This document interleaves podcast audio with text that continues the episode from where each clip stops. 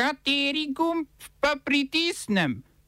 Tisti, na katerem piše OF.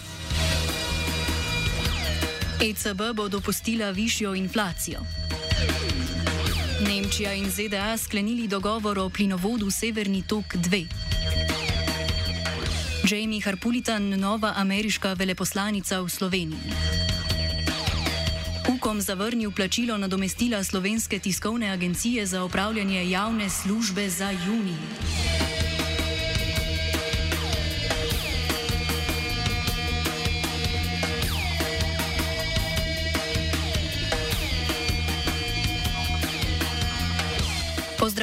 Evropska centralna banka je po sestanku sveta banke sporočila, da namerava nadaljevati s politiko odkupovanja državnih obveznic in politiko negativnih obrestnih mer za kratkoročna medbančna posojila.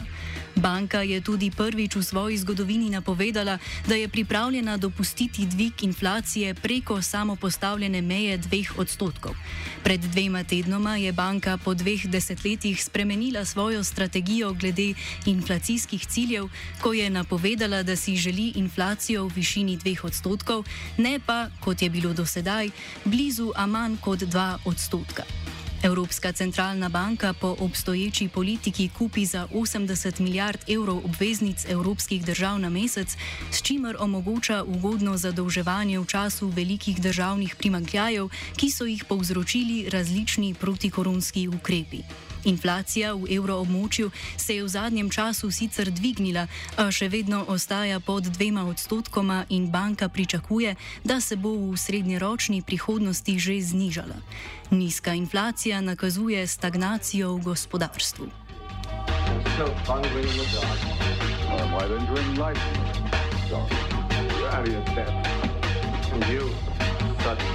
V Omanskem zalivu je Iran odprl svoj prvi naftni terminal. S tem se želi Teheran izogniti homuški ožini, kjer se poleg petine svetovnega naftnega prometa srečajo tudi interesi največjih svetovnih velesil. Homuška ožina se nahaja med Perzijskim in Omanskim zalivom, slednji pa meji na Indijski ocean, kar naredi Homuško ožino eno glavnih prometnih žil naftnega transporta na svetu. Iranski predsednik Hasan Rohani je poudaril strateško pomembnost terminala, ki Iranu omogoča lažji izvoz nafte. Poudaril je, da so iz terminala že izvozili 100 ton nafte v prvem dnevu in da to kaže na neuspeh ameriških san sankcij proti Iranu. Sankcije je ameriška vlada znova uvedla pred tremi leti, ko so ZDA pod vodstvom takratnega predsednika Donalda Trumpa odstopile od iranske jedrske pogodbe, ki je v zameno za omejitev iranskega jedrskega programa odpravila večino mednarodnih sankcij proti Iranu. V zadnjih treh letih je iranska vlada večkrat zagrozila, da bo blokirala homuško ožino, če ZDA ne bodo odpravile sankcij. Kljub temu od aprila letos na Dunaju potekajo pogovori med Iranom in ZDA o novični aktivaciji sporazuma o iranskem jedrskem programu.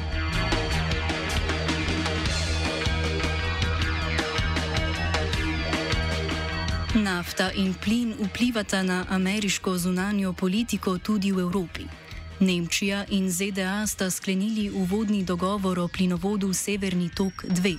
Dogovor umika možnost ameriških sankcij in omogoča delovanje 98-odstotno zgrajenega plinovoda, ki predstavlja direktno plinovodno povezavo med Rusijo in Nemčijo. Severnemu toku 2 je pred Bajdovo, Bidenovo nasprotovala Trumpova administracija, saj naj bi Rusija z direktno povezavo s Srednjo Evropo na lažji način zapirala dotok plinovod, plina evropskim državam, še posebej ideološkim nasprotnicama, polski in Ukrajini. Slednji bosta z novim plinovodom izgubili status tranzitnih držav za ruski plin in s tem vsaj delni nadzor nad dovodom plina.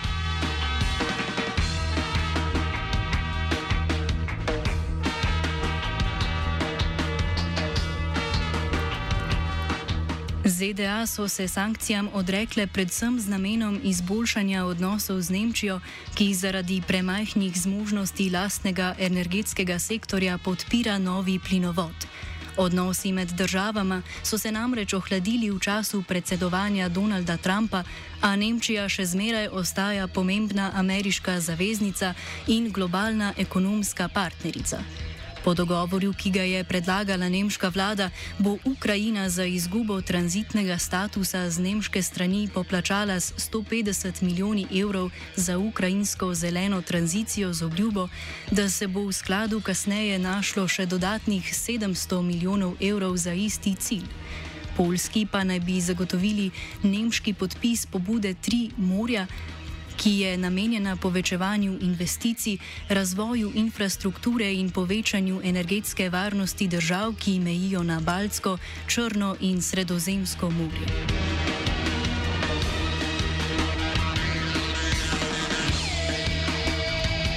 Luči ameriškega umika iz Afganistana in naraščajočega števila spopadov v tej bližnji vzhodni državi je njena soseda Tadžikistan organizirala največjo vojaško vajo v svoji zgodovini.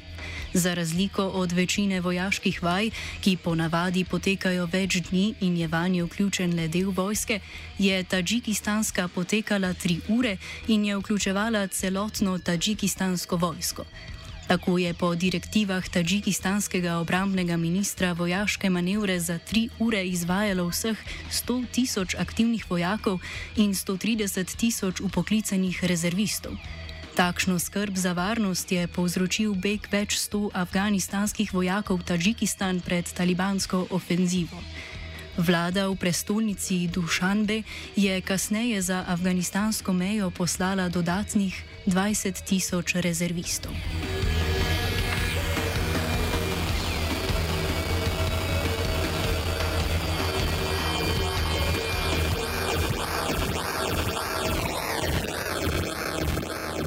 Oba, če, če bom odgovoril na angliški. Slovenija will try to help. Uh, we can. Slovenija will.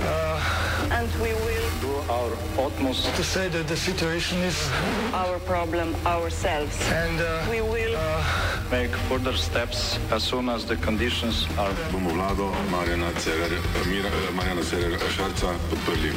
Very, very serious. News from Slovenia. We know how and we will. Ameriški predsednik Joe Biden je imenoval novo veleposlanico v Sloveniji, pravnico Jamie Harpulitan.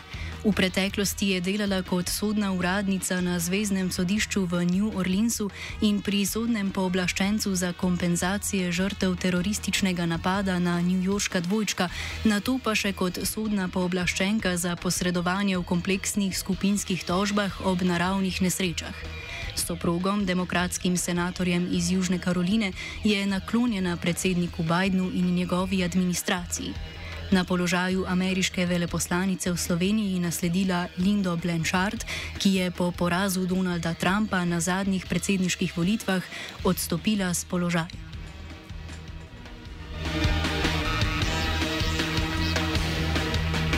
Urad vlade za komuniciranje, krajše UKOM, je zavrnil plačilo nadomestila Slovenske tiskovne agencije za opravljanje javne službe za juni.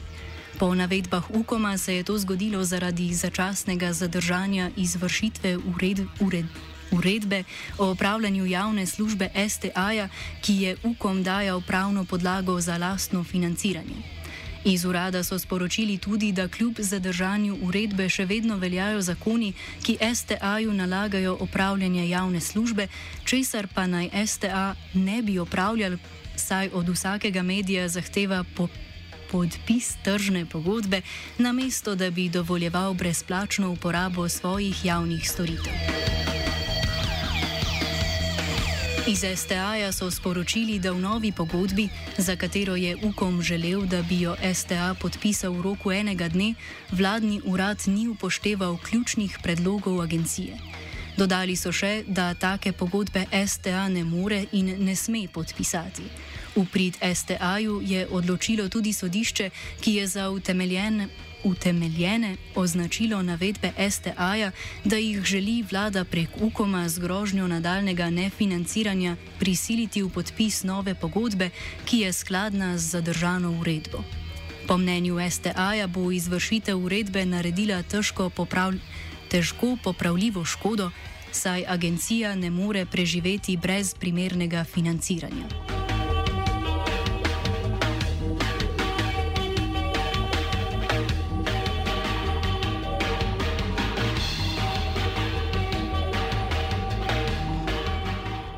Ov sta pripravila Vito in Gal.